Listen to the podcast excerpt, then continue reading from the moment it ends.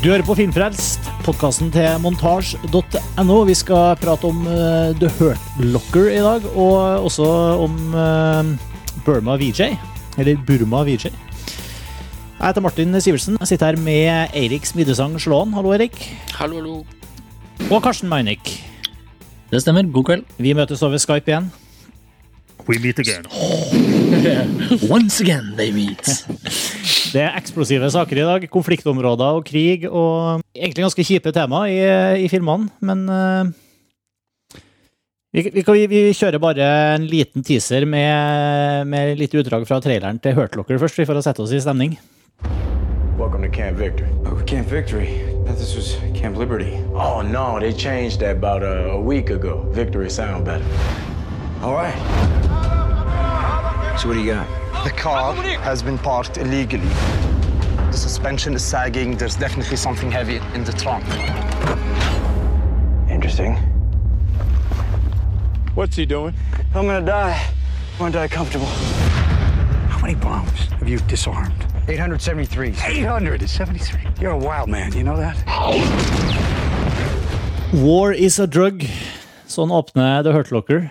Ny krigsfilm satt til Irak, regissert av Catherine Bigelow, som er er en av de tøffeste regissørene uh, i Hollywood. Uh, kan du kanskje si. Hun har i hvert fall lagd mange actionfilmer, inkludert Point Break og og science fiction-filmen Strange Days, som jeg liker veldig godt. Som kanskje må være min favorittfilm av det hun har lagd. Hvor, skal vi liksom plassere Catherine Bigelow her? Hun, ut, sånn til kvinnelig regissør så er hun ikke, hun er ikke det man uh, hun, hun gjør ikke noe vesen ut av seg som kvinnelig regissør, for å si det sånn. Hun lager ganske sånn uh, maskuline filmer, kan jeg nesten si. Er det riktig? Ja, det er det jo definitivt. det, er, det, er, det, er, jo sagt om Bigelow nå de siste uh, ukene etter Hurt Locker at hun er på en måte en slags Hollywood-outsider. Hun har, hun har, laget noen Hollywood-filmer, men de har vært ganske mislykka box office-messig. Bortsett fra point, Break. da. Så hun er en sånn liten uavhengig regissør som jo opererer i Hollywood-systemet, men som lager filmene veldig på sin egen måte. Du har vært gift med godeste James Cameron. Ja, ikke sant? Så som var med og, og skrev uh, den derre Strange Days. Og ja, ikke sant? Det var vel egentlig derfor det begynte hele det actioneventyret med K19 med Harrison Ford. The Widowmaker. Og The Widow, altså Den var jo helt forferdelig, virkelig. Ja. På en måte, så jeg tror hun er en dame som egentlig i prinsippet har på en måte mista litt troen på Hollywood, og nå har valgt å lage en film som er på mange måter veldig anti-Hollywood. Uh, og det er da hun lykkes best, på en måte. Det jo... Ja, det virker jo sånn. det virker jo sånn. Jo, også som vi har, en, av, en av de byfilmene skulle si, en av de tidlige filmene hennes heter Near Dark, som vi har fått anbefalt å se. Jeg har fortsatt ikke kommet til at jeg får sett den. Altså en, jeg har heller ikke fått sett den, jeg har også fått den anbefalt. En blodig vampyrfilm. Ja. Jeg har bestilt den på Play i dag, så jeg skal se den så fort jeg får den. da venter vi på en rapport der. ja, ikke sant. Hun er, hun er iallfall en veldig eh, opp- og ned-regissør. Altså, hun har laget virkelig noen skikkelig dårlige filmer, og noen veldig, veldig gode filmer. Så jeg tror hun har vært ganske skuffa ganske mange ganger i forhold til Hollywood. Da. Og det tror jeg vi skal ta litt med i debatten på Hurt Locker. At hun nå faktisk lager film som på mange måter går helt imot Hollywood-ideen. Det her er jo en eh, Det er jo en uh, Irak-film på en måte, samtidig som det er en uh, en, rett og slett en spenningsfilm. Den er satt i krig og har en sånn veldig sånn realistisk stil. da. I form Det er mye håndholdt kamera og mye sånn intens eh, på stedet-feeling i, i, i, i, måten den forteller historien på. Kan vi si, bare si kort, kort oppsummere hva den handler om. Altså, er, du følger et sånn bombeteam i Irak som, på tre mann som Jobben deres er rett og slett å så snart en, bom, en mulig sånn, hva heter det, er det IED? IED, Improvised Explosive Device. device snart en eh, IED har blitt identifisert, så rykker de da inn for å uh, desarmere den, eller faktisk sprenge den på en mest mulig sikker måte, er vel hovedoppdraget deres. Og hovedpersonen her er spilt av Jeremy Renner, en sersjant som heter James, som er den ja, litt dumdristige og tilsynelatende suicidale karen som uh, hiver seg inn i kysser bomba ut og river av seg hjelmen og er mest mulig uh, cowboy, for å si det sånn. Og de to andre på bombeteamet, du har den mer ansvarlige offiseren, og så har du den arketypiske, litt nervøse guttungen som er liksom ny og ikke har så mye erfaring. Det hørtes ut som en god, god beskrivelse av filmen, det. Det er jo det er en veldig sånn tett stemning, kan man si. Ikke, ikke bare er det ganske få karakterer i forhold til liksom hvor mye den strekker over en sånn tematisk og handlingsmessig, så er det veldig Det er disse tre gutta som er dette teamet. Uh, og utover dem så er det veldig sånn perifere karakterer. Det er veldig mange sånn, karakterer som kommer og går, da. Uh, og, og på en eller annen måte så klarer filmen veldig sterkt å Den ga meg en veldig sterk følelse av at sånn er det. Både i forhold til skildringen av krig og grusomheter, men også i forhold til hvordan, hvordan det på en måte er en slags sånn um, rovdrift på mennesker, da, på en måte. At disse soldatene liksom kommer inn, gjør sin En av de narrative liksom, grepene er jo at hun hele tiden opplyser om hvor mange dager disse gutta har igjen i tjeneste. Som også er et sånt spenningsdrivende element, men denne rutinen som er så merkelig å akseptere når man ser på de grusomhetene som man gjør, men at dette er på en måte jobben deres. Eh, jeg synes hun er veldig Hun lyktes veldig godt til å liksom fokusere handlingen på de tre, men samtidig gi oss disse andre småkarakterene som utvider bildet. da. Og det foregår i Bagdad veldig sånn isolert. Det er jo ikke hele Irak det er snakk om. Det er, det er sannsynligvis bare noen isolerte kvartaler av Bagdad også, med enkelte er, er, er det i Bagdad? Er det ikke en annen by? Nei, det er i Bagdad, for de snakker om green zone og sånn, og det er jo i Bagdad. De er faktisk i Eller- Jordan, for de fikk ikke lov til å ta opp. ja, opptakene, ja. Men ok. Veldig troverdig Irak for en som sitter i Norge, i hvert fall. Um, ja. Det, det, er- det er jo helt klart en film som legger opp til å være veldig realistisk. i hvert fall. Det er jo også skrevet av en uh, journalist som har, uh, som har vært der og fulgt en sånn bombeskvadd. Uh, Mark Ja. Heter. Han skrevet for Playboy og Rolling Stone. og Skikkelig sånn featurejournalist, eh, virker det som. ja, Han skrev også In the Valley of Ila, som jeg ikke har sett. Som også er fra, fra Irak. Jeg har ikke sett den, jeg heller. Eh, skal vi ta runden og si, eh, liksom, før vi går inn i uh, veldig sånn detaljert uh, på filmen, bare kort oppsummert hva, hva du syns? Eirik, kan du begynne? Hva fikk du ut av filmen her? Eh, veldig mye. Nei, jeg Jeg syns først og fremst at det var en ekstremt intens opplevelse. Altså, At jeg merka bare at jeg bare mista liksom kontrollen over min egen analytiske filmdistanse. på en måte. Jeg bare jeg forsvant inn i handlingen og, og var egentlig ganske redd hele filmen. Jeg syns den var skikkelig vemmelig og ekkel, og foruroligende, ikke minst. Um, det er en av de beste tekniske filmene jeg har sett i hele år. altså i forhold til klipping og lyd og, og sånne ting, Men også en av de beste skuespillprestasjonene uh, som jeg har sett. Eh, Jeg syns det var virkelig gjennomarbeida og utrolig bra. Mm. Si det veldig kort. Karsten, er du? Ja, jeg, øh, jeg er jo ganske enig med Eirik. Uh, nei, jeg er helt enig, egentlig, men uh, la meg prøve å si det på en annen måte, sånn at det ikke blir kjedelig. uh, det er en film hvor Og dette har jo vi snakket litt om i løpet av helgen, Eirik, men det er denne følelsen av at du du forsvinner faktisk litt i, i kinosalen. Altså For folk som oss som ser veldig veldig mye film, og som analyserer mye film, og liksom som er veldig opptatt av å dissekere filmopplevelsene, så mister man i større og større grad den følelsen det er å se film når man er yngre, hvor du virkelig forsvinner inn i ting. Du forsvant jo mye lettere inn i dårligere filmer før, og nå, nå må filmer bare være bedre og bedre for at man virkelig kan forsvinne inn i dem.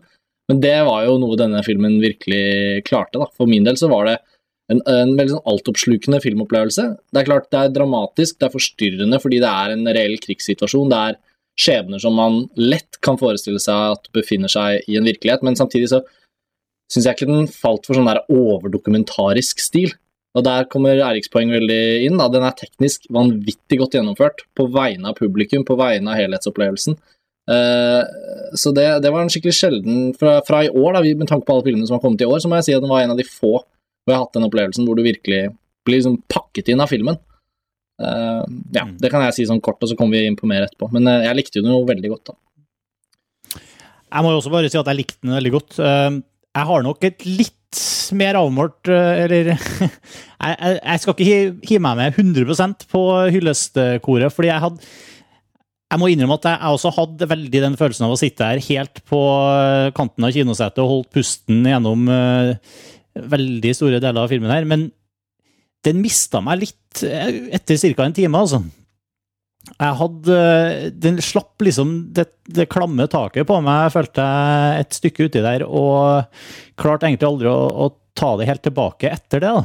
Men, men fram, fram til da så var jeg 100% med og altså, jeg, Først og fremst som en, eh, som en spenningsactionfilm som Altså den derre stilen som er det er, så, det er så utrolig dyktig gjort, som dere sier teknisk. For det, det, er liksom, det er kaotisk action med håndholdt kamera og masser som fer, men men det er liksom ikke gjort på den måten hvor eh, det er bare om å vifte kameraet mest mulig rundt, og så ser det ut som det skjer masse ting. Eh, Det her er liksom, det er kaotisk, men oversiktlig. da, og, og jeg får med meg hva som skjer. og jeg, jeg føler liksom klaustrofobien og, og svetten til hovedpersonene og, og paranoiaen og alt mulig. Eh, mulig Klaustrofobiene Klaustrofobien var kanskje feil ord her, men i hvert fall eh, Jeg følte også veldig at jeg var til stede hele tida. Og det var, synes jeg var, det er dyktig gjort. liksom. Men hvor, hvor er vi på en måte i filmen når du faller av?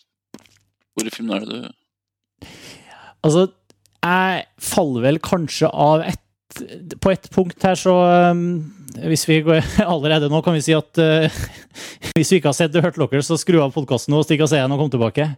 Men, men altså eh, han eh, Hovedpersonen her blir jo han James blir jo kompis med en sånn guttunge. En irakisk guttunge som selger DVD-filmer på den amerikanske militærleiren. og så, finner, så på et eller annet tidspunkt så, så, så finner han jo den Så er det jo en scene her hvor han finner noen guttungen i, i eh, en eller annen base, da. En eller annen fiendtlig eh, irakisk base, hvor han guttungen eh, ligger og har fått kroppen fylt med eksplosiver. er Eh, død? og er død. Er død, ikke sant? Han har gjort om til en, eh, kropp, en bodybomb, som det heter. Og, og, og derfra og ut så, så, så, følte, så, var så følte jeg at, eh, at det skled litt ut, rett og slett. Mm. Hva var det du tror det var som gjorde det på en måte for din del? Var det det at den gikk i et nytt handlingsmønster? For den tar jo en litt sånn ny vending der, men Den, den gjør det. Den, den, den, går, f- den blir fra det tidspunktet utover kanskje mer Den prøver i hvert fall å bli og går, Den blir kanskje mer psykologisk da, og mindre spenningsactionorientert. Og det føler jeg ikke Jeg føler ikke at den lykkes like godt med, selv om jeg setter pris på forsøket. Mm. Men det, det, der ligger kanskje litt den tanken jeg har med at det her er en slags, slags anti-Hollywood-film. da. Fordi den nettopp tør Altså Den bygger så opp til en scene hvor han, han gutten ligger inne på det bordet død, med bomba i magen. Altså hele, hele oppbyggingen til den scenen, eller til det shotet er jo også en veldig intens opplevelse. Men så stopper det da, ikke sant, opp der. Altså Det er en lang scene hvor han bare går rundt liket og prøver å finne ut hva han skal gjøre for noe, og så løper han etterpå på natta til, inn i, eh, inn i det, den delen av, av eh, byen hvor, hvor, han, var, da, han, han gutten, for å finne faren eller finne, finne ut hva som har skjedd. da, ikke sant? Finne ut et eller annet. Han er ganske målløs, egentlig. Ja, men det er på en måte i seg selv ganske anti-Hollywood. Så tørre å faktisk ta en film som er, da har et så crescendo, som er så intens, og så nesten bare stoppe opp handlingen. da, Og Ja. konsentrere seg egentlig kun om hva skjedde med denne gutten. Altså En liten sånn, en liten bifortelling da, i handlingen, og det syns jeg det er ganske vågalt gjort. I en film som fram til da er nesten ren action. Og for meg så ble det Så funka det ikke godt nok, da. Eh, og ikke minst den scenen hvor han springer rundt på og, må- hvor han, som du sier, eh, ender opp hjemme hos en eh, irakisk familie og Jeg syns det var en litt, en litt sånn bisarr CD som, eh, som ikke Jeg fikk ikke så mye ut av det, jeg, da. Jeg-. Ja, Karsten? Ja, jeg, jeg, jeg har tenkt en del på den sekvensen i etterkant, og jeg, jeg føler, med fare for å overtolke her, så føler jeg litt at det ble, ble et bilde på hvor håpløs hele den krigen på en måte er. da, At eh, amerikaneren bare går ut i Bagdad for å finne hvor nå enn denne gutten kan ha kommet fra. Han har jo ingenting å Han har aldri vært ute i byen i sivil, det er helt åpenbart. Han finner liksom et hus, og det er helt eh, Det er jo på en måte bare helt håpløst, det forsøket hans. Og det er litt som amerikanerne som kommer inn i Irak og tror de liksom skal finne noe og så liksom er det bare helt håpløst. Og, det er, eh, og han blir jo For første gang i filmen så ser man jo hans, hans eh, seriøse frykt og redsel. Han er en av de tøffe Han er virkelig en sånn westernhelt, sånn som du sa i begynnelsen. Han, han, han har ingen frykt overfor situasjonene, han, og, og, og kollegene hans spør han hva føler du når du gjør det, hvorfor, hvorfor liksom virker du aldri redd? Så sier han bare jeg tenker ikke på det. Jeg tenker ikke på det. Men for første gang i filmen så bestemmer han seg for å Han har, viser en form for sånn Han tenker på et eller annet, og han bryr seg om et eller annet, så bare løper han ut i Bagdad i sivil for å finne han gutten. Og på veien tilbake så føler jeg at den scenen får en veldig fin effekt, fordi man får se han Det blir en karakteriserende eh, scene da, som gir meg innsikt i at hans frykt også kommer fra et sted. Ja, og han er hjelp... Han, er, han der er han, jeg vet ikke hva han skal gjøre. Virkelig liksom. hjelpeløs. Ja, når, når han står overfor bomba, så vet han akkurat hva han skal gjøre. Her, her vet, aner han ikke hva han skal gjøre. Det, det er jeg helt enig i, men det som skjer etterpå her, da, er at eh, filmen prøver da å trekke meg tilbake igjen. Og i det som jeg oppfatter som kanskje en av klimaksscenene i filmen, ble litt eh, eh, den, Jeg snakka om den scenen hvor, hvor eh, Etter traileren har eksplodert, eller tankbilen, eller hva det er. Ja, hvor det, hvor det er en kar som kommer inn til en sånn checkpoint med masse bomber på kroppen. En eh, iraker som, som ikke har lyst, som har ombestemt seg, ikke, eller har blitt tvunget til å bære de bombene. Ja, å, ja, ja. Du mener den aller siste scenen? ja. Den scenen altså der, der er vi tilbake i det herre uh, suspens, eh, veldig sånn spenningsdrevne Men eh, jeg, jeg så det sammen med en kompis også, liksom, vi er også veldig enige om at den eh, der var vi tilbake i et univers som på en måte var, var forbi, og jeg hadde, jeg hadde liksom ikke jeg, jeg brydde meg ikke nok om det som skjedde der, til å føle den scenen i hele tatt. da. Og det gjorde Ja, jeg. men det jo, jeg, altså, jeg, jeg, jeg også var veldig med på den scenen, sånn som, sånn som du sier, Karsten. Jeg må jo si at den effekten som den scenen får, er jo nettopp at du faktisk får se denne soldaten uh, av, avkledd i vanlig T-skjorte løpe rundt i en mørklagt by, inn i et vilkårlig hus for å finne en gutt. Altså, eller for å finne faren til gutten, da. Eller eh, opphavet. Jo, men, men nå snart, nå snart, den scenen som jeg mener ikke funker da etterpå, er den hvor han irakiske karen med alle bombene med alle de, Han selvmordsbomberen som kommer inn til checkpointet, hvor han blir sprengt på slutten, ikke sant? Og de, de klarer ikke å redde den. Men altså, da, da, da, tenker jeg på at når, når, da, når ikke de kan redde gutten, eller han, han mannen med bombene på, på kroppen, og de velger å gå unna, og han sprenger, altså valg om å la han sprenge ikke for, for at det skal gå såpass bra for de andre soldatene, så er det motivert veldig av at vi har sett denne soldaten før løpe til det stedet hvor denne mannen tilhører. Altså, han, han tilhører jo et slags boligfellesskap hvor ikke vi har vært før i filmen. Altså, vi, har, vi har kun vært her i ført uniform, eh, sett utenfra mer liksom, subjektive shot opp mot eh, bolig, bolighus. ikke sant? Men fordi vi har vært inne i det landskapet, så har vi en helt annen holdning til denne personen som kommer inn med og da skal, skal eh, sprenges i fillebiter. da. Så selv om den kanskje ikke er like intens, så er den følelsesmessig mye mer motivert. da, føler jeg, den scenen som kommer etterpå. Og det gjør at Når da filmen endelig slutter, da, sånn som den slutter, så føler jeg at da drar denne soldaten tilbake til ikke det selvmordstrangen, ikke den suicidale opplevelsen som, han kanskje, som vi kanskje trodde i starten, men nettopp tilbake til eh, byen, da, altså til stedet hvor det bor innbyggere, hvor det er faktisk ordentlige folk. Mm. Altså Det er en helt annen Det blir en helt annen ny. Det blir en, det blir en mer medmenneskelig film. Ja, ikke sant? Og det gir en med medmenneskelighet til en karakter som fram til da er veldig soldat, innpakka i uniform. Men altså, det er en veldig vågal scene. Den, den gjør at du mister litt, litt taket på det intense. og altså, Du får kanskje slappet litt mer av da, som publikummer, men samtidig er den viktig fordi den tilfører medmenneskelighet da, i, i handlingen. Jeg synes det, er, det er der er et veldig godt eksempel på det du også sier om, om Catherine Bigelow, hvordan hun i denne filmen viser, kanskje på den aller beste måten til nå i sin karriere, hva hun egentlig står for på siden av Hollywood. Eh, alle disse valgene gjennom filmen som ikke føles som sånne twists hvor liksom filmen Wow, nå er det noe annet som skjer. Det er ikke sånne gigantiske vendinger. Det er, det er en film fritatt for alt sånt klisjémanusopplegg, men, men der hvor man skulle forvente at filmen kanskje tar en mer sentimental retning, eller en mer sånn narrativt tradisjonell retning, hvor det blir sånn oppbygging og helt og redd, redd ofrene Altså, alle de tingene der er liksom ryddet til side for å vise noe annet. Men der, det- der har jeg en litt tønne å plukke med både det du sier og det som folk Jeg har jo lest flere sider som sier at filmen er usentimental også, men jeg, klar, jeg klarte ikke å se på de siste kvarteret, 20 minuttene av filmen som tvert om både klisjéfylt og sentimental. Her er det masse rolig musikk, her er det masse menn som snakker sammen, her er det familiescener, og her er, her er man i liksom Her ender man opp tilbake i hverdagslivet og takler ikke det og savner krigen og vil tilbake, og alt, alt foregår nesten i slow motion til tåredryppende musikk. og For meg så ble så endte filmen i sentimentalitet, altså. Jeg vil, du overdriver. ja, men, vil du, men vil du kalle det sentimentalt, det som skjer? Det syns ikke jeg. Jeg syns i hvert fall det, det altså- nei, men jeg synes i hvert fall det er feil å kalle det usentimentalt, som jeg ser veldig mange gjør.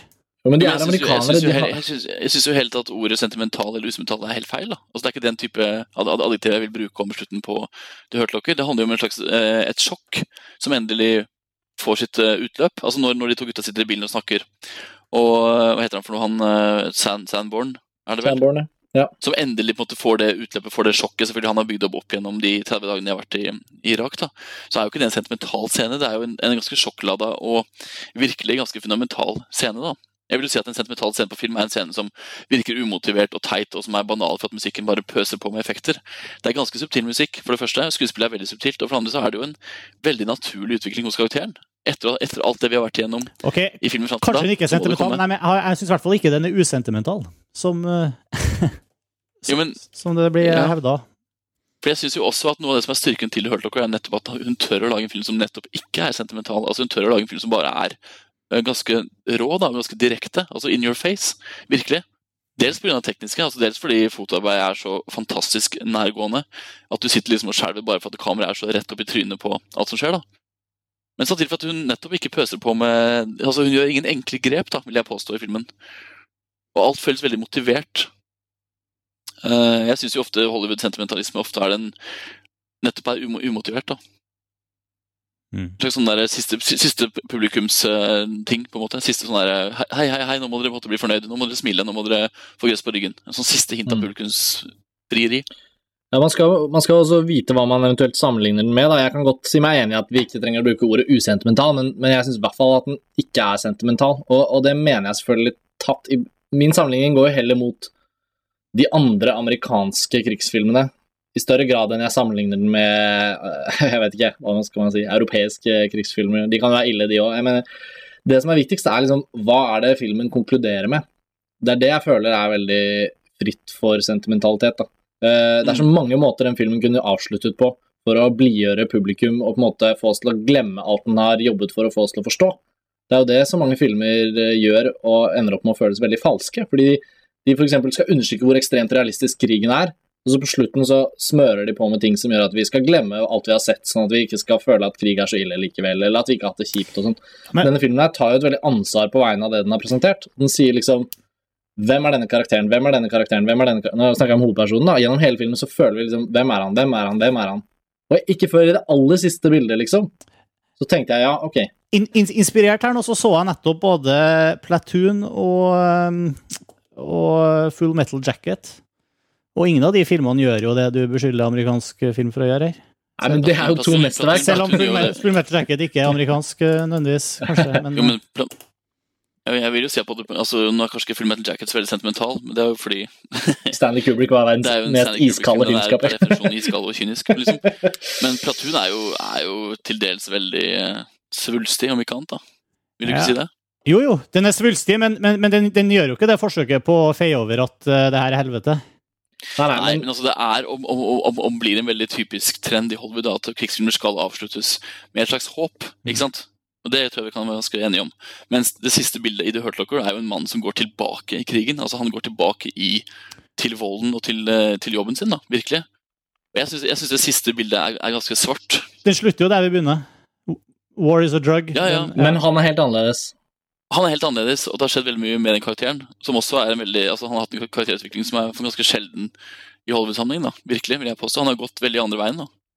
Men det er jo et veldig svart bilde, det siste bildet. Jeg vil påstå at det er et ganske dystopisk bilde da, av krigen. At krigen bare fortsetter. Mm, også nye mennesker, ikke sant. Ingen av de gamle vennene. Ingen er ingen eh, Det er bare nytt kompani. Nye 100 dager, eller hva det er. Altså, det er, det er den derre Åh, man. Ja, ja, og det er også litt, litt, litt, i det ligger kanskje litt en Hollywood eh, Eller anti-Hollywood-tanken om at faktisk eh, han går tilbake i krigen til nye folk, da, til nye soldater. Fordi disse soldatene er e- egentlig bare bruksverktøy da, på en måte Mm. for, for en eller annen makt. ikke sant? De går inn og så gjør de en jobb som verktøy. på en måte, De har ikke noe liv utenom det. Eh, mens vi har fulgt denne personen gjennom hele filmen, og da vet vi at når han går tilbake, så er jo han mer enn bare det verktøyet. Mens filmen sier jo da at han, han, han vil være det verktøyet. altså han jeg vil, jeg vil påstå det er en ganske pessimistisk og ganske svartmalende oppfatning av hva krig er. da. At mennesker bare er verktøy for noe større. Eh, Og det er vi, det er vi prisgitt, på en måte. Jeg syns akkurat det der er det som gjør den til en så utrolig bra krigsfilm. Altså som en sjanger, et mesterlig sjangerverk som går utover liksom, at det er Irak-krigen. Den, kan- den kan sannsynligvis forstås veldig universelt da, i forhold til hva krig er blitt. Mm. Men også ut ifra et litt filosofisk standpunkt, da, så er den Mm, interessant. nettopp, nettopp. For den er jo ikke interessant som en uh, Irak-film. Nei, altså hvis man skal snakke om en sjanger da, som kanskje da kan kalles Irak, så er den jo ikke interessant i det hele Den, tatt. for den, den, ha, den handler jo ikke om Irak.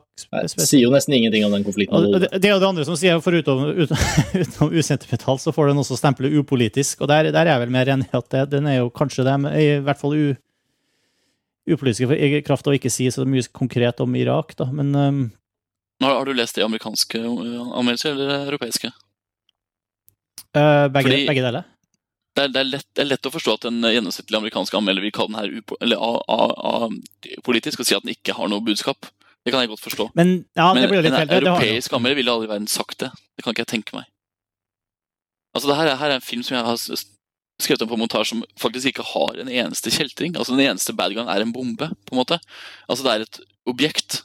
Får, altså, vi får nesten aldri se ansiktene til disse der mm, bombemennene. Altså, Alt er egentlig bare en sånn stor sånn derre grøt da, av snille irakere, slemme irakere, bombemenn, ikke-bombemenn, sivile, soldater. Alt er bare en sånn stor masse da, som er, som er skutt med subjektive point of view-shot opp i bygninger, som jeg sa i stad, eller mot fjell, eller uh, inn i uh, ja, skygger. da. Vi får aldri se hvem som plasserer bombene, på en måte, bare hint. ikke sant? Og, og Hvis det her var en politisk film, så ville den jo på en måte turt å kanskje gjort litt mer ut av det, men det gjør den jo ikke. Og det gjør den kanskje ganske passiv. kanskje, Jeg vet ikke. Blir litt, uh, At den ikke, ikke tar stilling, da. Altså, den viser deg jo bare, eh, bare amerikansk point of view, bortsett fra sånne små mellominnskutte, paranoia-induserende sekvenser. Bare liksom fra inni en butikk eller fra rett over skuldra til en eller annen som står og ser på. Men eh, Men jeg vil si at den, ikke, den viser på en måte ikke det amerikanske point of view heller, den viser på en måte soldatens point of view, eller krigens virkelighet, på en måte, point of view. Fordi Mm. disse soldatene som vi følger gjennom filmen, er veldig lite opptatt av USA og amerikansk eh, posisjon. Altså, de, de er ikke opptatt av politikken. Og det tror jeg er veldig, veldig mye sannere enn veldig mange krigsfilmer skildrer, da. Jeg tror eh, de fleste soldater er nok veldig like som de vi får se i denne filmen her. det er fra akkurat det samme som vi er opptatt av når vi sitter midt, midt inne i en sånn scene. Ja, ikke sant? Ikke sant? Vi vil gjerne komme oss ut med livet i behold, liksom. Ja, nettopp. Og det, og det tror jeg er en veldig sunn måte å skildre krig på, fordi egentlig gir det mye større innsikt i hva man faktisk skal diskutere når det kommer til de politiske spørsmålene. Det er jo, det er jo historier sånn som det Hurtlocker viser, som blir fort glemt da, når det blir altfor uh, ja, Mm. politisert. Men det var også der jeg syns filmen er helt genial, i de, Mm. i de skildringene. Kanskje mer enn jeg jeg, jeg, jeg jeg er ikke blind for alle, alt det vi har sagt så langt om, eh, om hva den sier psykologisk og, og filosofisk, men det var, jeg, det var ikke der jeg følte at den trang virkelig eh, gjorde eh, inntrykk på meg, liksom. Men tilbake til det du sa om at den viser det amerikanske perspektivet. Er du, mener du virkelig det? At den gjør det? I den kraft at hovedpersonen er amerikanske, og du ser eh, Men det, det, det, det, selv, det er én scene her hvor du faktisk kommer inn og, og følger en, eh, en insurgent da, idet han eh, prøver å, å detonere en bombe. Det er, den andre eller tredje bombescenen eller noe sånt, hvor du faktisk er, er bak ryggen ganske mye til en sånn kar som sitter og ser på at bombene blir desarmert. Han springer ned alle trappene for å gå, og, og, og det liksom kom fram til der hvor detonatorene detonatoren er. Vet ikke om du husker det? Mm. Jo, jo. Det er stort sett det eneste stedet i filmen som jeg kan huske på hvor du faktisk får, eh, får et slags eh, vedvarende point of view som, er, som ikke er fra de amerikanske soldatenes eh, perspektiv. Da. Men, jo, men da, vil jeg, da vil jeg faktisk si meg helt uenig. Fordi for det første så, Denne personen som sitter og, og følger med, er ikke per definisjon iraker. Og den personen som skal, skal desarmere bomben, er ikke per definisjon amerikaner. Altså Det er veldig få svaiende amerikanske flagg, nærbilder av amerikanske flagg på uniformer, altså irakiske TV-sendinger. Jeg vil påstå at det er en film som faktisk nesten ikke handler om nasjonalitet. da. På samme måte som at den ikke er en Irak-film og ikke handler om Irak-krigen alene, så er det heller ikke en film om amerikanske soldater i krig. da. Ja, det er i hvert fall de, de, de invaderte og de invaderende Jo, jo, men, jo, men, det, ja, men det, og, og Det er er nettopp det det er. Det er nettopp det det er, Men det er jo ikke en sak om at det er USA mot Irak. Det er noe helt annet. Kunne vært i Tsjetsjenia, liksom. Like, Jo, men jeg må, like jeg må jo lov til å si at det er fra amerikan altså, på samme måte som jeg bruker navnet James på sersjanten, selv om Ja. han kunne ha hett uh, Carlsen, liksom. Jo, men det er forskjell på det også si at det her er en film som på en måte viser bare det amerikanske point of view på krigen. For det er jo ikke det amerikanske point of view vi ser, vi ser et FN, FN point of view. Ja, det har du rett i. Det har du rett i. Det får vi, får vi også flere hint om. Og i det så ligger også veldig mye som er igjen. da, Det med anti-Hollywood. Det her er ikke en Hollywood-film, for den har ikke noe behov for å vise bad guys. Altså, Den har ikke noen, altså Det her er ikke en film som gir, gir deg noen, et svart-hvitt bilde av en konflikt. Den gir deg egentlig bare den ene siden av noe som du skjønner har en annen side. Veldig fort. Altså, Den tar ikke parti på noen måte, samtidig som den bare velger å vise veldig subjektive sider av, av en konflikt. Men den, den, den, har jo, den tar jo ikke noe stilling til det. Altså, Den sier jo ikke at noen er slemme for eksempel, i denne filmen, her, vil jeg påstå. Altså De som har utført dette ekle med denne gutten som ligger i bomberommet, er selvfølgelig slemme, men vi får aldri vite hvem de er, annet enn at de skjønner at de er krigskjeltringer, på en måte. Altså ingen, Veldig få ting er navngitt, da. Og det gjør filmen veldig uni- universell. Jeg har lyst til å spørre, spørre om en ting. Det er en scene her eh, etter at eh, de har funnet han guttungen, hvor eh, han James faktisk møter han guttungen igjen. Mm. For det var jo ikke han. Det var ikke han. Er vi sikre på det? Det er jeg ganske sikker på. Ja. Det jo Det har jeg tenkt mye på. Ja. Det, var en, Jeg det, tenkte at det, det, det, det Ja. føltes som en, både en pussig og viktig scene, da, sånn, men uh... Altså, jeg, jeg tror jo det ikke er han DVD-gutten som ligger med den bomben sydd inn. Men for han James så er det jo veldig vanskelig Altså, han, han kan jo Det er jo ikke så rart at han misforstår på én måte, men men, uh, men det er jo også et, et helt ødelagt eh, menneske som ligger der med, med søm over hele magen og i stykker slått ansikt og blod. Eh, det jeg syns det var ganske sterkt at han DVD-gutten hadde jo ikke blitt eh, drept i det hele tatt, men det gikk like mye inn på han, på en måte. ja, det er jo ikke noe verre eller bedre om det hadde vært en annen gutt. Nei, ikke sant. Nei, nettopp. Jeg, jeg kunne vi snakke litt grann om, om, om det eh, Altså, vi har snakket jo, nevnte jo at det er veldig teknisk spennende gjennomført, men det er liksom Det er flere vi, bare, Både foto og klipp er usedvanlig velbrukt for å bringe filmen dit den kommer, da. Kunne vi kikke litt på Men jeg har sett det før. Og jeg har sett det før i en TV-serie som heter Generation Kill. Som bruker veldig mye av de samme eh, grepene for å gi deg den derre utrolig sånn eh, eh, Liksom støv og og du ligger på bakken og kryper sammen med soldatene og ser sn- snipere i, det, liksom, i øyekroken, og du føler ku, kulene rundt deg. Liksom. Det, den der håndholdte stilen som, som er bra gjort, da, i motsetning til mye håndholdt som er dårlig gjort, altså, den, den får du veldig mye av i Generation Kill. Som, eh, nå er det riktignok bedre gjort i The Hurt Locker, altså, for det, nå innimellom så er det, det Generation Kill jo, går jo over syv eh, episoder, tror jeg, så det, det er veldig mye av det her, og ikke alt er like bra, mens i Hurt Locker så er nesten alt veldig bra. Um, Ja, jeg har ikke sett eh, Generation Kill, jeg har ikke sett noe av det, så, men jeg kjenner jo til at det er blitt veldig populært. i, det, det ligner egentlig Generation Kill er på en måte lang TV-serieversjonen av The Hurt Locker, da. Den, den, det er veldig mange fellestrekk der. Skal, skal, ikke det begynne på TV nå? eh, På en eller annen kanal? Det. det er i hvert fall tilgjengelig på DVD for alle som er interessert. Skal vi snakke litt om den tekniske, tekniske siden ved Hurt Locker, eller? Om klippen, for eksempel. Kan jeg bare introdusere deg? Jeg, jeg, det er- jeg hadde lyst til å spørre deg om det, Karsten, du som er klipper. Eh, Ja, eller In the Making. Jeg, Ja. jeg, når jeg satt og så på filmen her, så føltes den Jeg satt og tenkte på det mens jeg så på, at det her, eh, her har vi fått servert en rekke med scener litt sånn hulter til bulter, og det føltes litt ustrukturert ut, nesten, som om den var satt sammen i klipperommet. Eh, kanskje i større grad enn mange filmer pleier å være. Og så leste jeg etterpå at eh, de hadde gjort det ved hjelp De hadde 200 timer med råmateriale. Mm. Er det, var det det inntrykket du òg fikk da du så på? Jeg fikk i hvert fall inntrykket av at øh, øh, regissøren og fotografen hadde gjort sitt ytterste for å se enhver scene fra best mulig vinkel. Uh, og det er vel sikkert uh, Noen filmskapere tegner jo filmen klar og klippet på forhånd, og, og presise vinkler hvor alt er helt klart, og så blir det klippet sånn. Og så ser det sånn ut, sånn som 300 for eksempel. Eh, mens andre filmer kanskje har eh, nytte av å, å improvisere mer i forhold til vinkler og tagninger og type framing på location. da. Og denne filmen har ikke gigantisk budsjett, og det er nok sannsynlig at de, at de ved flere anledninger har tenkt ok, nå må vi filme det på en annen måte, eller nå må vi gjøre det på en annen måte. Men det er jo åpenbart at de har valgt og ønsket hele veien å ha mye materiale for å kunne bygge opp scenene i klipperommet. Eh, Men det er jo ikke noe i veien for det. Det er jo en bevisst strategi som ser ut til å ha funket veldig godt for denne filmen her. Men tror du også de kunne ha valgt scener å ha med. Ikke bare intern komposisjon av scener, men faktisk ha plukt, lagd litt narrativ i filmen eh, i etterkant. Altså ut ifra det som, som, man, som man gjør når man lager en dokumentarfilm, egentlig. Ja, altså, Det er jo ikke umulig, men jeg tror, jeg tror ikke det er tilfellet. Fordi jeg føler at filmen den er så den er så gjennomtenkt på et sånt plan som bare virkelig kan ligge i manus. da. Altså, Det kan skje veldig mange spennende ting i klipperommet. Det kan godt hende de har byttet rekkefølge på enkelte scener og sånn. Dette gjelder jo veldig mange filmer, ikke bare filmer som har et stort, eh, stort skytningsforhold som denne filmen har.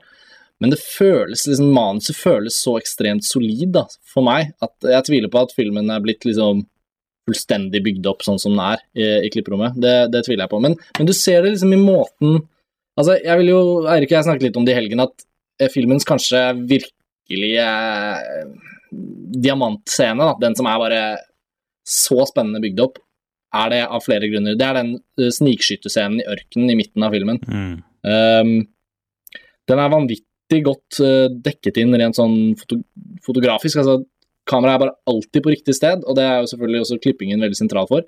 Mens hele scenen er også da bloddryppende spennende som en hvilken som helst action, et actionmesterverk, samtidig som den er karakterdrevet.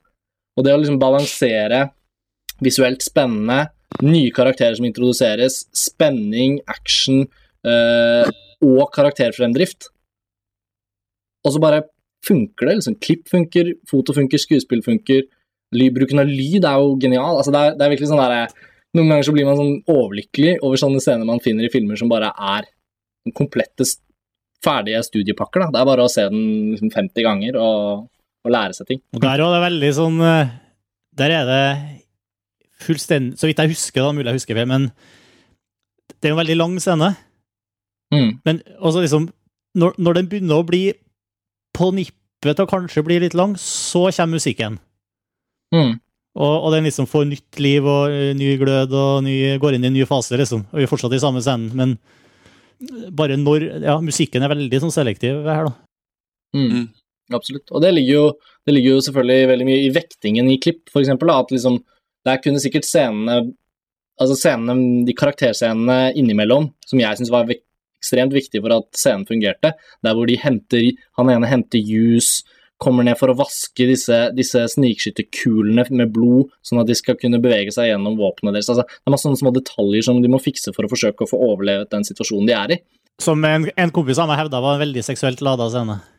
Jo, men, ja, men herregud, det er klart det er det, liksom. Disse båndene altså Underforstått så kan du legge veldig mye inn i, inn i um, ting som det, da. Og filmen åpner på en måte for det også, men, men der filmen kan du Filmen åpner for mye koffert. men du kjenner jo på hvordan balansen i den scenen er så veldig, veldig perfeksjonert. Det er ikke tilfeldig at karakterøyeblikkene får lov å vare la oss si 20 sekunder lenger enn de kanskje ville gjort i en annen film.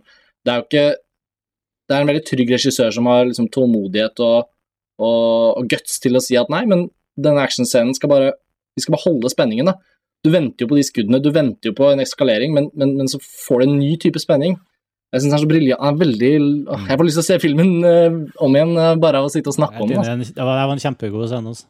Mm. Men Kan vi ikke gå litt tilbake til det du sier med teknisk, Karsten? Fordi Jeg er ikke helt enig med klippen. Altså, fordi for det første så er det, er det veldig mye som er planlagt i, eller gjort i uh, klipperommet på Hurtlogger. Det vet vi jo, for vi har jo sett samtaler med Katrin Bigg. Jo, jo, absolutt. Er gjort i USA. Men det som er tilfellet med fra, ut fra registåsted, som er egentlig det viktigste å snakke om på filmen, for det er det som er det mest briljante, er jo sammen, sammen, sammensetningen av alt. Alle, alle de faktorene vi snakker om nå.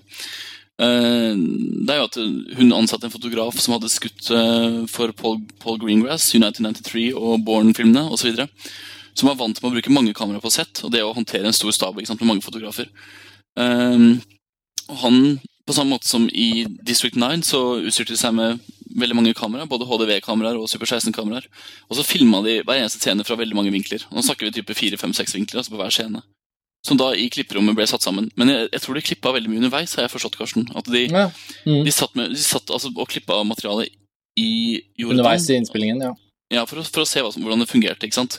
Ja. Uh, fordi det er jo, sånn som det er jo enkelte scener her som jeg vil påstå har i hvert fall bortimot 20 vinkler. Etter hva jeg kan forstå da. Så de må jo ha hatt en fotograf som har, man har løpt rundt altså bare løpt rundt i handlingen og fanget opp bilder, sånn som man gjør på en dokumentarfilm. ikke sant? Uh, og så er det andre som har tatt store totaler eller uh, point of view-shot osv. Det som er kult, at til tross for alt, all den kompleksiteten, så vet du akkurat hvor du er. Du mister liksom ikke teket på Du, du, du, du havner ikke utafor, på en måte.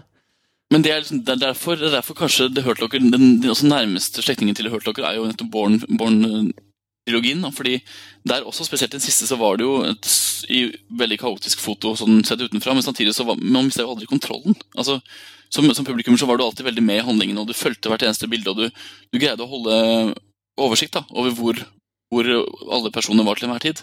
Og sånn er det jo her, føler jeg.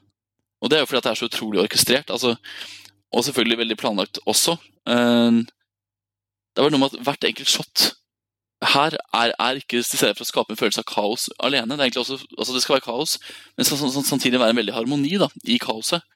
Og Det er også som Born fikk til. Den der følelsen at du sitter og ser på utrolig mange vinkler, og du, det skjer så mye, og du blir så engasjert, men samtidig så har du kontroll. Og Den kombinasjonen den, er, den funker jo så bra. Du blir jo, det er derfor kanskje at du blir så utrolig revet med i handlingen, for du vet jo aldri hvor kameraet går. Du vet aldri hvor du skal få se neste gang. Samtidig som du føler at du har veldig kontroll. da. Mm. Sånn veldig er jo- schizofren publikumsopplevelse.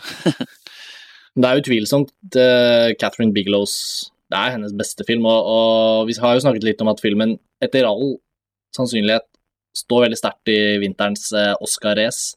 For den er liksom så komplett. Mm. Det er ikke mange filmer som er det. Hva, hva, hvilke Oscarer spår du, da?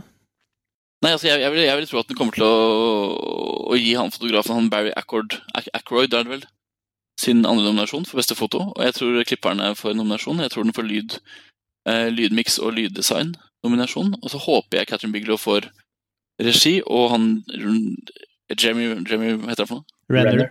Renner, Renner i hovedrollen. At han blir nominert som beste mannlige. Jeg, jeg leste nettopp eh, på Jeg husker ikke hvor det var, på nettet, på The Introwebs, at eh, den bombeskåden opprinnelig skulle bestå av Colin Farrell, William Defoe og Charlize Theron. Ok? Det, jeg mistenker at det neppe ville ha blitt like bra. Det gir jo litt følelsen av at hun faktisk egentlig kanskje opprinnelig skulle lage den her som en Hollywood-produksjon. da. At hun var inne i det systemet. Men, eh, men det er jo en Du har jo også en annen sånn klisjé-filmscene her, hvor du har den derre De kødder på basecamp, eh, den litt sånn eh, homoerotiske lada eh, scenen med, med Hvor de rett og slett er full hjemme på basen og, og bare leker seg. Den er jo med i alle Hollywood eh, Vietnam-filmer og, og krigsfilmer. Eh, er det noe der som eh, jeg gikk glipp av, som gjør at den er uhollywoodsk, eller skiller seg ut, eller eh? Altså, Det er jo virkelig en klisjéscene av dimensjoner. da. Ja, det altså, sånn, når, sånn. når, når, når, den kom, så tenkte jeg å nei, skal vi få den scenen? på en måte, tenkte jeg. Altså, fordi man så at det kom en sånn scene så fort du så um, fulle menn som skulle slåss, så skjønte man jo hvor, hvor det skulle gå. på en måte. Mm.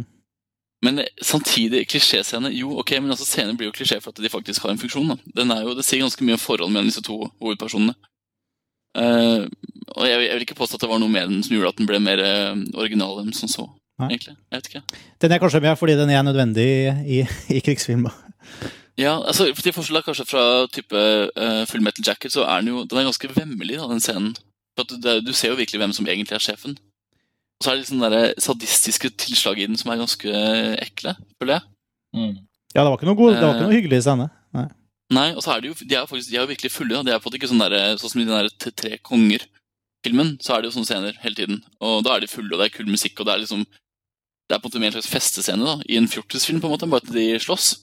Mens her så er det en ganske grusom scene med en person som tydelig har en ganske ond og sadistisk side. da. Ja. Og det, og det går jo på en måte forbi kompisstadiet, vil jeg påstå. Det går forbi den der som dere kaller homoerotikk eh, kompis Nei, det sier jeg bare for at de eh, slåss rundt na de er naken, liksom. Eh, Jeg har ikke sagt noen ting, jeg. Men jeg syns det, det er en veldig veldig bra scene. og Kanskje faktisk, kanskje er det en av de beste sånne scenene jeg har sett. da Av den der homoerotiske kompiser slåss i bare kropp i krigsfilm-setting, så var den ekkel. Skikkelig ekkel. mm. Nei, det Og veldig fint lyssatt. Apropos for å snakke om litt mer om fotoarbeid. Utrolig bra lyssatt, den scenen. Hvis du tenkte over hvordan eh, ansiktene så ut. Det var bare Åh, Det er mye detaljer altså, i The Hurt Locker. Det er mye å sitte og se på. Altså Man kunne kanskje slått av lyden og bare sett på klippen, for eksempel, Eller bare sett på uh, scenografien til vår eh, islandske, islandske venn. Hva Det er en morsom han? detalj, da. Si litt mer om det, Erik. Hvem det er. Kari, hva hva heter han da? Kari Kali Juliusson. Ja, jeg husker det aldri. Altså Det er jo Islands produksjonsdesigner som har jobbet på Max Manus og Kautokeino-opprør. og som Og Antichrist.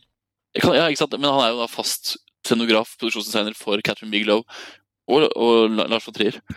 Uh, men vi ser jo på, på han som litt sånn vår egen, da. Her i Norge, for han gjør veldig mye norsk film. Men han har da lag, bygd opp Irak i Jordan, og jeg vet ikke hvor mye de egentlig har bygd opp, men samtidig så er det, det er utrolig troverdig og realistisk. Mm. Det vi får se. Jeg vet ikke om det faktisk er sånn på ordentlig, at de bare har skutt nesten på location. Det virker troverdig. Men, det Det vet, virker troverdig, ja. ja. men det, det, liksom, det la jeg også merke til når jeg så ehm, Når jeg så den her uh, Full Metal Jacket nettopp. Mm. Altså, sånn sett, det, det virker veldig troverdig og veldig realistisk, men det er jo en helt annen Vietnam vi får servert av, uh, av Kubrick enn vi har fått fra alle andre. Ja. Så det, han har filma det i London, til og med, i en sånn bydel i London liksom, som han bare har tent på. Men, eh, men, men, men, men likevel, altså det, her er det ikke noe, det er ikke noe jungel engang, liksom. Nei. Og, så, så jeg har aldri vært i Bagdad, eller i Ja, nå ble det noe at den kanskje ikke foregikk i Bagdad engang, det hørte dere. Jo, det er det den gjør.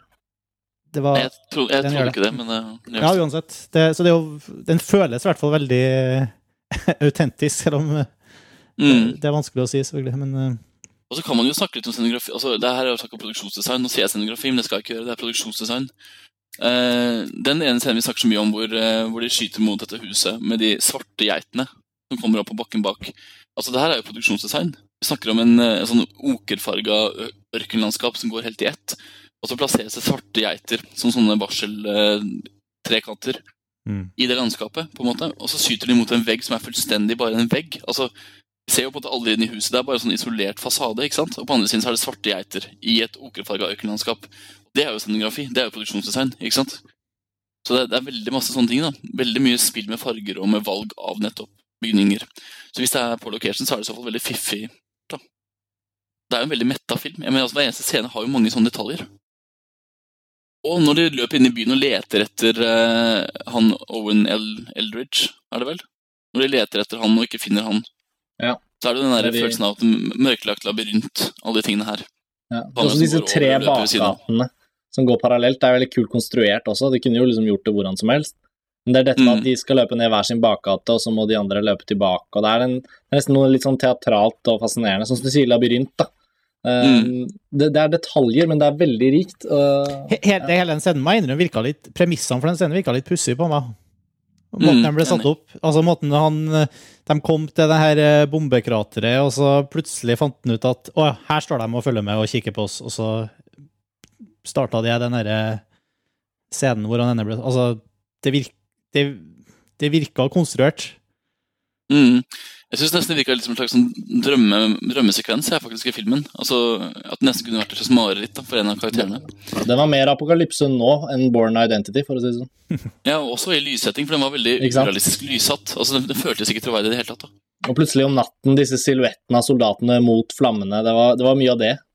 Mm. Eh, Men jeg likte det. Jeg syns det var den, kanskje den skumleste biten av filmen.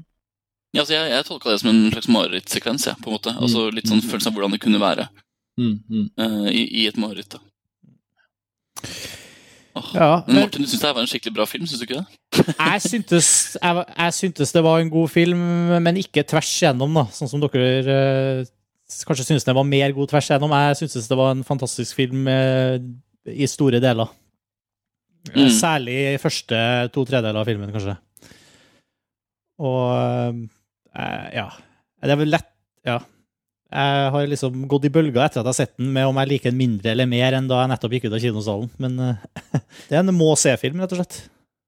Det er ingen Mm. grunn til å ikke se denne filmen her, liksom. Mm. Mens den går på kino. Og jeg kommer helt sikkert til å se den igjen. Men vi har en annen konfliktsone Og... Vi skal flytte oss fra Irak til Burma. This is my country, and this is the way it has been for more than 40 years. That's why I decided to become a video reporter. Eh, Det er en film som, eh, som heter Burma VJ, som jeg ikke har sett. Så eh, Karsten, kan ikke du fortelle oss hva slags film det er? Jo, det er en dokumentarfilm som foregår i Burma og delvis i Thailand. Ehm, hvor handlingen i filmen uh, er hentet fra opprørene uh, mot militærjuntaen som fant sted høsten 2007, for to år siden, som sikkert mange husker, som var veldig oppe og fremme i mediebildet. Uh, de bildene fra demonstrasjonene den gang, som ble sendt ut og som ble sendt på alle verdens nyhetsorganisasjoner, de ble skutt av en liten sånn geriljatropp nesten, av videofotografer som, som jobber i skjul i Burma for en eh, TV- og radiokanal som heter Democratic Voice of Burma, som har sitt hovedkontor i Oslo, som drives av eksilburmesere i, uh, i Europa. Uh, og disse videojournalistenes historie, hva de måtte gjennom for å få sendt disse kassettene ut, for å få fortalt om dette, denne oppstanden mot myndighetene i, i Burma. Deres historie fortelles i denne filmen. Så Burma VJ står egentlig for Burma videojournalist. Og ikke videojockey, som jeg trodde Jeg først trodde det var en sånn. Dance Rave-film, det her. Altså. Ikke sant? Ja. Nei, så det, og den er regissert av en dansk eh, dokumentarfilmskaper som heter Anders Østergaard, hvis ikke jeg husker helt feil. Han har laget Mm. mange fine dokumentarer. En kjent dansk eh, regissør. Og så er den koprodusert av den norske produsenten Mediamente. Så de er journalistene, altså, de snikfilmer i Burma og får smugla ut kassetter og sendt dem til Norge for å bli klippet og digitalisert og greier, og så sendt tilbake til Burma igjen, til, eller til hele verden selvfølgelig, men også til eh, seere i Burma. Ja, altså, Som filmen forteller, så smugles de på tvers av grensen til Thailand, hvor de blir måte digitalisert og lastet opp på nettet, sånn at nyhetsorganisasjoner kan ta dem i bruk. Uh, og også tidlig i filmen uh, så blir vi kjent med på en måte hovedpersonen, uh, som kaller seg Joshua. eh, og han må rømme fra Burma fordi han blir spottet med dette videokameraet tidlig under demonstrasjonene, da, før det er liksom litt Og et avgjørende punkt er jo når munkene stiller opp for eh, opposisjonen. Eh, for så vidt et veldig rørende øyeblikk også i filmen, eh, men, men da må han rømme til Thailand. Eh, det er en veldig, veldig veldig spennende historie. Det er en, en dokumentar som klarer å For meg var den veldig inntrykksfull, og jeg ble ganske rørt også, fordi man kommer så tett på disse, alt som er bak disse bildene. Vi har sett så tusenvis av nyhetsreportasjer fra rundt omkring i verden hvor det er på en måte amatørmessig filmet av noe veldig dramatisk som foregår. Og skjebnen til det mennesket som styrer det kameraet, denne litt sånn skyggepersonen, den kommer frem i denne dokumentaren, men uten å noen gang vise noen av disse personene. Men eh, alt i alt, altså den filmen har da endelig Den, har, den hadde premiere på noen viktige dokumentarfestivaler i, i fjor vinter, hvor den vant en rekke priser. Og, og så er den nå distribuert på kino her hjemme i Norge, da. Eh, Den hadde premiere for noen uker siden. Eh, Men det er jo ikke så ofte dokumentarer distribueres på kino lenger. Og i hvert fall ikke dokumentarer som Den er jo egentlig ikke norsk, den er koprodusert av en norsk produsent, men den er jo regissert av en danske, og den foregår i Burma også. Så det er jo ikke en lettsolgt film, men jeg syns den var en, en av de bedre dokumentarene jeg har sett på lenge. Så øh, Og jeg, Eirik og jeg er ikke helt enige, tror jeg, men, øh, men jeg har jo inntrykk av at den også traff deg ganske bra. Ja, jeg bare Jeg prøvde å forstå hvorfor, men jeg, jeg, jeg glemte den veldig fort. Ikke sant? Altså, når, jeg, når jeg så den, så var jeg veldig engasjert og grøss på ryggen og tilløp til tårer når de, de munkene gikk gjennom gaten osv. Men dokumentaren i seg selv er faktisk ikke jeg så veldig sånn kjempeengasjert i. Altså, Videomaterialet som er filmet, er jo selvfølgelig Det, sier, det, er, det er jo på en måte helt enestående. Men det har vi jo visst i noen år nå. på en måte Det har vi jo, det har vi jo sett på BBC og CNN og til dels NRK. ikke sant? Men, eh, Er, er det ikke noe nytt materiale her? jo, jo, det er masse, masse nytt. det er masse nytt, og det som er forskjell på det her og det vi har sett før, er at nå er det mye mer typ som bak kulissene. altså Følelsen av at de faktisk må ut i en slags nesten slags krigssone og filme. ikke sant? Altså Det er, det er mye mer helhet. da. Nå ser vi på en måte ikke bare selve klippet, nå ser vi alt som foregår rundt. Det gjør at det er mye mer eh, spennende, vil jeg påstå. Men eh, jeg syns filmen var litt billig i forhold til en del sånne fiksjonselementer. og Jeg synes den var, eh, jeg likte ikke denne bruken av karakteren som snakker i telefonen og fletter sammen handlingen osv. I sum så var jeg veldig engasjert fem minutter etterpå, og så falt den litt Altså jeg på en måte glemte litt hele filmen. da. Han, bare for la meg skyte inn, han karakteren i telefonen som snakker om, er det en dramatisert ting som er lagt Nei, det er han, etterpå? nei, det er han som flykta, ikke sant, som måtte flykte tidlig i, i filmen. Da. Som da holder, altså på en måte um, produserer alt materialet via telefon, via nett, og organiserer alt som skal skje, da, på en måte, fra eksil. Eh, Men altså, misforstå meg rett, det her er en fantastisk dokumentar. Fordi For det første så greier den jo å samle sammen det materialet som vi har sett før, og fortelle hele historien, altså det komplette bildet om disse, disse personene som driver og filmer.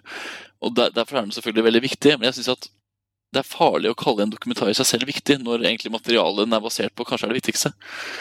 Eh, så jeg syns kanskje at omtalen av filmen har vært litt feil. da. Jeg syns det har vært veldig mye fokus på dokumentaren i seg selv som viktig, når det kanskje er materialet som burde vært eh, fokuset.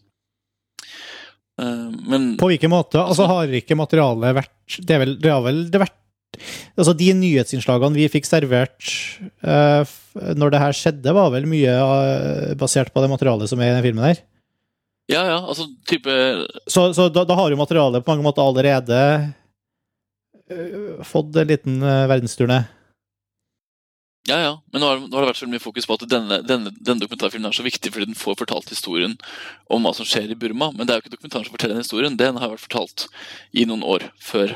Uh, og det er også veldig mye fokus på at, at dokumentaren som dokumentarfilm er så, er så vellaget. Og jeg, vil- jeg vet ikke Det, jeg, jeg vil det si at er jeg enig med deg i, det er den jo ikke. Nei, altså, jeg synes det er veldig godt klippa. Liksom. De har godt klippa seg materiale. De har vært flinke med å logge og finne de beste scenene osv. Men i sum så Det er ikke dokumentaren som engasjerer meg når jeg ser den. Det er det materialet som jeg også så på CNN og BBC og NRK de siste månedene, de siste årene. ikke sant? Og da fikk jeg grøss på ryggen, og da satt jeg og følte meg, og da var jeg rørt. rett og slett, Og jeg syns det var en utrolig historie, og det er en ut- utrolig historie. Eh, Men det er viktig at fokuset ligger på ett sted. Eh, Jeg syns fokuset skal ligge på at disse menneskene i eksil og midt i, eh, i Burma har filma materiale, og de bør få fokuset, ikke jeg vet ikke. Et slags sånn politisk innlegg, da. Jeg syns at man bør faktisk se litt ned på hvem som har stått bak det her, egentlig. Det handler veldig mye om, Jeg er så enig med deg også i forhold til det med omtalen. altså det Like før den filmen skulle komme, så, så vi som følger jo med, vi følger jo også med på hvordan det skrives om disse filmene som kommer, og, og enkelte filmer er det mer spennende å følge med på. For eksempel denne er jo Det er lenge siden det har vært en dokumentar på kino. Vi, jo, man blir jo nysgjerrig på om, de, om folk i det hele tatt gidder å skrive om den. Samtidig så er det et brennbart politisk tema. For så vidt så er det jo to år siden det skjedde, men, men det, er, det er flere elementer av Burma-konflikten Eller nesten alle elementer av den konflikten vi ser i filmen, er jo ikke løst. Så det er fremdeles en spenning rundt det. Men når da filmen omtales, så, og det er så typisk Norge også, det er at liksom dere og den er så viktig, og denne må vi se, og det gjelder engelen til Margaret Olin. Å, det er så viktig tematikk, og det er så viktig, viktig, viktig. Jeg tror det er et veldig dårlig argument for at folk går og ser film på kino. Ikke, jeg, jeg leser ikke ordet viktig, og så tenker jeg nå løper jeg, nå løper jeg på kino. Det er, det er filmens kvaliteter, karakterene, det, det er liksom alt bakenfor det som egentlig eh, driver eh, interessen for eh, filmopplevelsen. Og da, når denne filmen nesten i all hovedsak ble en veldig sånn derre dette er en viktig humanitær og politisk situasjon og en viktig film. Altså, det blir veldig trøttsomt, da. Og det blir litt sånn, en nesten litt sånn lat måte å dekke filmen på i seg selv. Jo, ja, men det, det er det. Det er, lett, altså, det er lett å si at den er viktig. Ikke sant? Det er lett å slippe Ja. unna med det å si at oi, det var en viktig film, og så får den terningkast fem eller seks. Det er jo veldig ban ban banal banaliserende måte å, å omtale en film på. Å si at den er viktig, og så på en måte er det nok. Ikke sant? Og så sier til publikum at nå er det en viktig film på kino, gå og se den. Uh, det minner jo litt om Engelen-markedsføring om dagen, at det er en viktig film, så du må gå og se Engelen. Um, det er så enkelt på en måte. Det er så enkelt å sitte på toppen og være anmelder eller redaktør eller hva som helst, og så sitte og si at denne filmen er viktig, så den må du bare gå og se. Det er ikke der fokuset burde ligge, da. Og jeg synes jo faktisk det beste med Burma VJ var jo ikke egentlig nødvendigvis det at den var viktig, det var at det, altså, uten at jeg trengte at den måtte føles som en fiksjonsfilm, så føles det som en kinoopplevelse i den forstand at nettopp de originalopptakene som vi har snakket så mye om, og som virkelig blir utvidet i denne dokumentaren i forhold til hvordan de blir brukt i nyhetssendingene, de er så meddrivende. Man blir jo virkelig sugd inn. Jeg har aldri Altså, jeg har jo ikke veldig dyp kjennskap til Burma, men jeg har i hvert fall aldri vært nærmere Burma enn jeg var i den filmen. Og det er jo, det er jo den typen opplevelser som er, som er uh, sterke i denne filmen. Det er jo ikke Jeg føler meg jo ikke noe mer utrustet til å jeg vet ikke, legge ned en innsats for at den konflikten skal bli løst ved å melde meg frivillig. Altså, sånn, det er jo ikke viktig på den måten. Filmen får heller den effekten at jeg kjenner meg nært på situasjonen. Det er klart det kan lede til engasjement, men, men, men ja. Det, fokuset blir liksom feil. Mm. Jeg er veldig enig. Trenger vi en uh, ikke-dokumentarfilm fra Burma? En fiksjonsvariant, på en måte. Ja, Trenger vi en hørtlokker for, uh, for Burma? Ja, altså jeg vil jo si at Det som gjør at Burma VJ faktisk er en bra film, er jo at den er så intens. som sagt. Altså Den funker som en publikumsopplevelse, som du, du sa, Karsten. Eh, og nettopp derfor så bør folk se den. Jeg vil jo si at det her er jo en konflikt som virkelig kunne gjøre seg godt på lerret i et fiksjonsunivers. À la Hurt Locker, da, for eksempel, den type, den type film. Um, jeg bare vil litt, litt liksom se på det med den ordet, ordet viktig, fordi det som er vanskelig for alle, alle folk som jobber med sånn type arbeid som Jeg vet ikke, jeg, sånn som jeg har jobbet mye med sånn frivillighetsorganisasjoner fram til jeg egentlig mista litt troen på det da jeg var sånn 22. Eh, Og det verste jeg visste, det var når folk kommer til meg og sa at det, det jeg drev med var så jævlig viktig. liksom, At jeg var så flink, fordi åh, jeg, jeg skulle redde verden. Det er sånn TV 2-journalistikk. ikke sant, sånn Alt er viktig. Altså Du skal gi penger for at det er viktig å gi penger til uh, lidende barn. ikke sant? Men det handler jo om å få en forståelse. Det handler om å faktisk forstå at visse mennesker i verden har det sånn og sånn. sånn, ikke sant? Uh, Det viktige med Burma Vijay er jo nettopp å få et, et perspektiv, et helhetsperspektiv på noe som foregår et sted i verden hvor ikke vi hører noen verdens ting om eller fra. ikke sant? Det er det viktige med Burma Eh, altså, altså At du får mer kunnskap. At, og i det hele tatt, da må, jo folk, må jo folk skrive mer og si mer enn å bare kalle den viktig. Da må de gå inn i materialet og si hvorfor er det viktig. Hvorfor vil jeg si noe om det her? Hva har jeg lært av det her? ikke sant? Og deri ligger det kanskje Burma Vijay markedsføringen har bommet litt på i Norge. At fokuset har vært viktigheten, ikke nettopp hva forteller Burma Vijay til publikum, eller hva ønsker han å fortelle. Ja. Hva ønsker han å fortelle? Må jo bare spørre. Hva har du lært av filmen, Erik? Av Burma Vijay? Ja. Nei, altså Det er jo at du får et, et mer nyansert, eller i hvert fall kanskje mer komplett bilde av disse folka som driver og filmer i Burma. Altså Du får vite hele fortellingen, da. ikke sant? Eh, og dermed så får du en liksom personlig forhold til de. Altså du, du blir på en måte ikke bare satt ut av nyhetssendingen på NRK hvor du ser materialet, men du forstår, altså du får et personlig forhold til de folka som står bak kamera.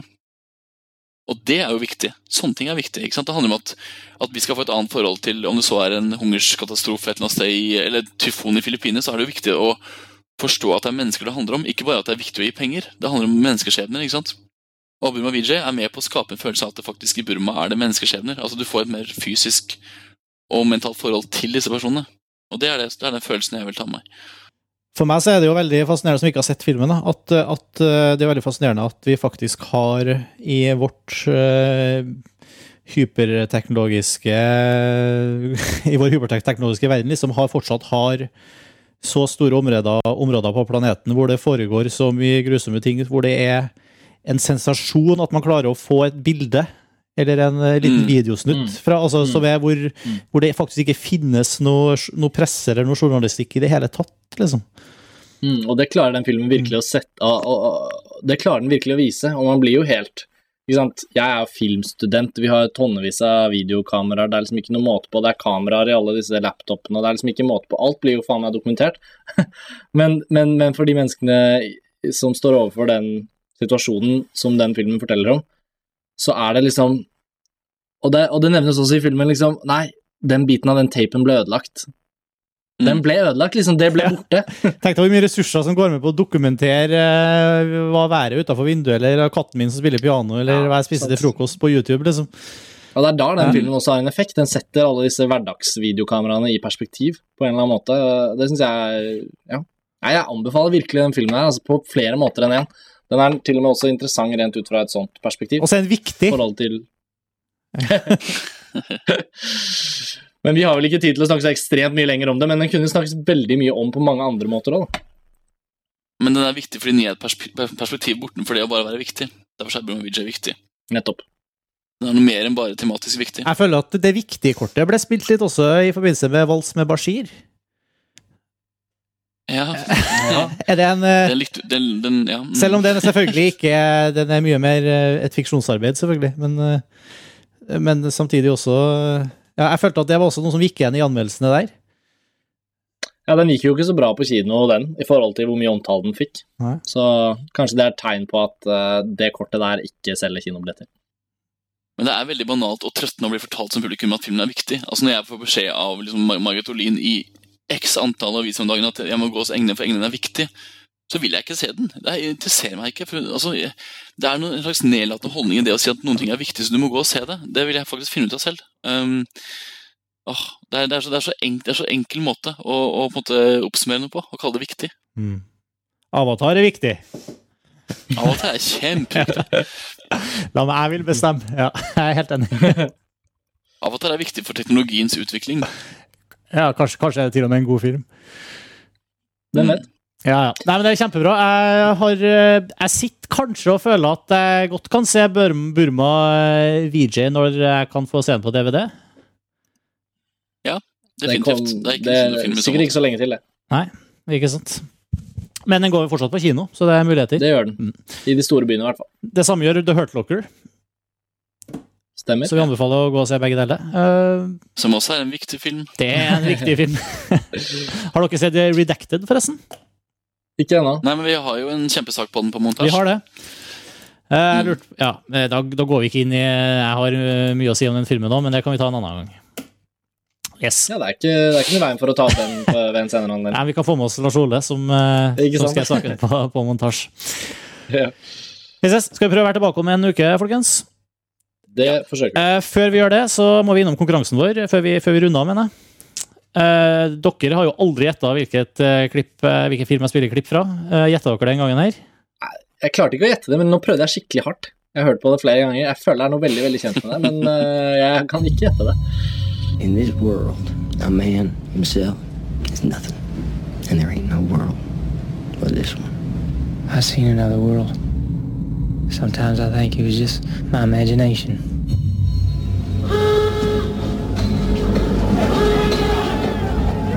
If I go first, I'll wait for you there. On the other side of the dark waters. Why should I be afraid to die? I belong to you. Det er en film som er relatert til det vi, det vi har prata om i dag, nemlig. Jeg pleier å gjøre det, Ok. sånn litt relatert. Eh, det er en, eh, en krigsfilm som er eh, ja, full av ting som eh, vi kanskje har sagt at Pertlocker ikke er så full av. Lange, dvelende teatralske scener og mye stemningsmusikk og mye føleri.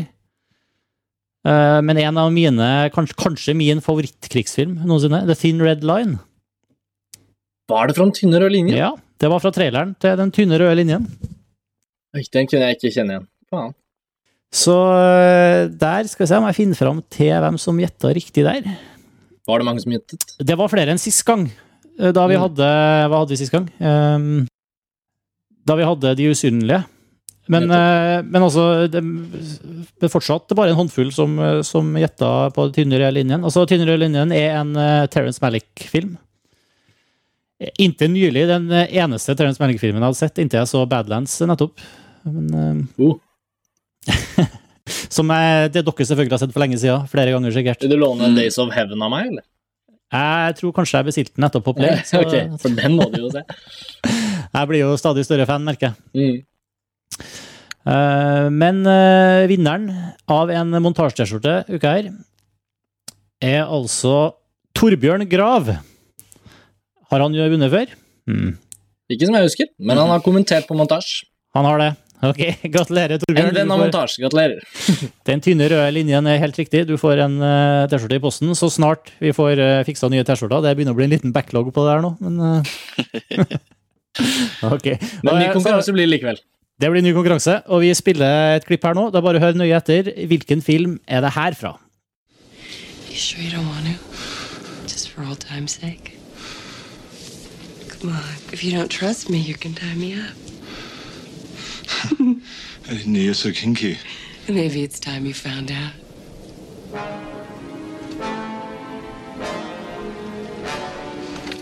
Clever girl. You wouldn't shoot me, would you, Doug? After all we've been through?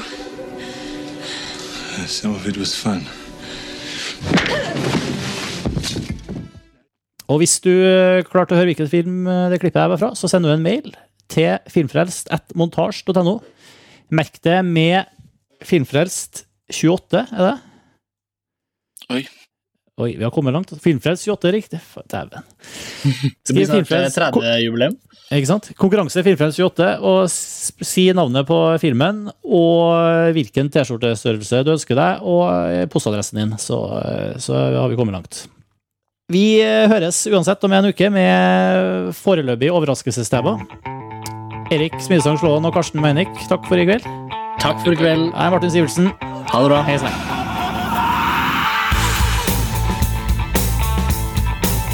Filmfrelst er en ukentlig podkast fra filmnettstedet montasj.no.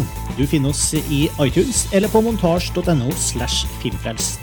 Og vi tar gjerne imot innspill og tilbakemeldinger på filmfrelst at montasj.no.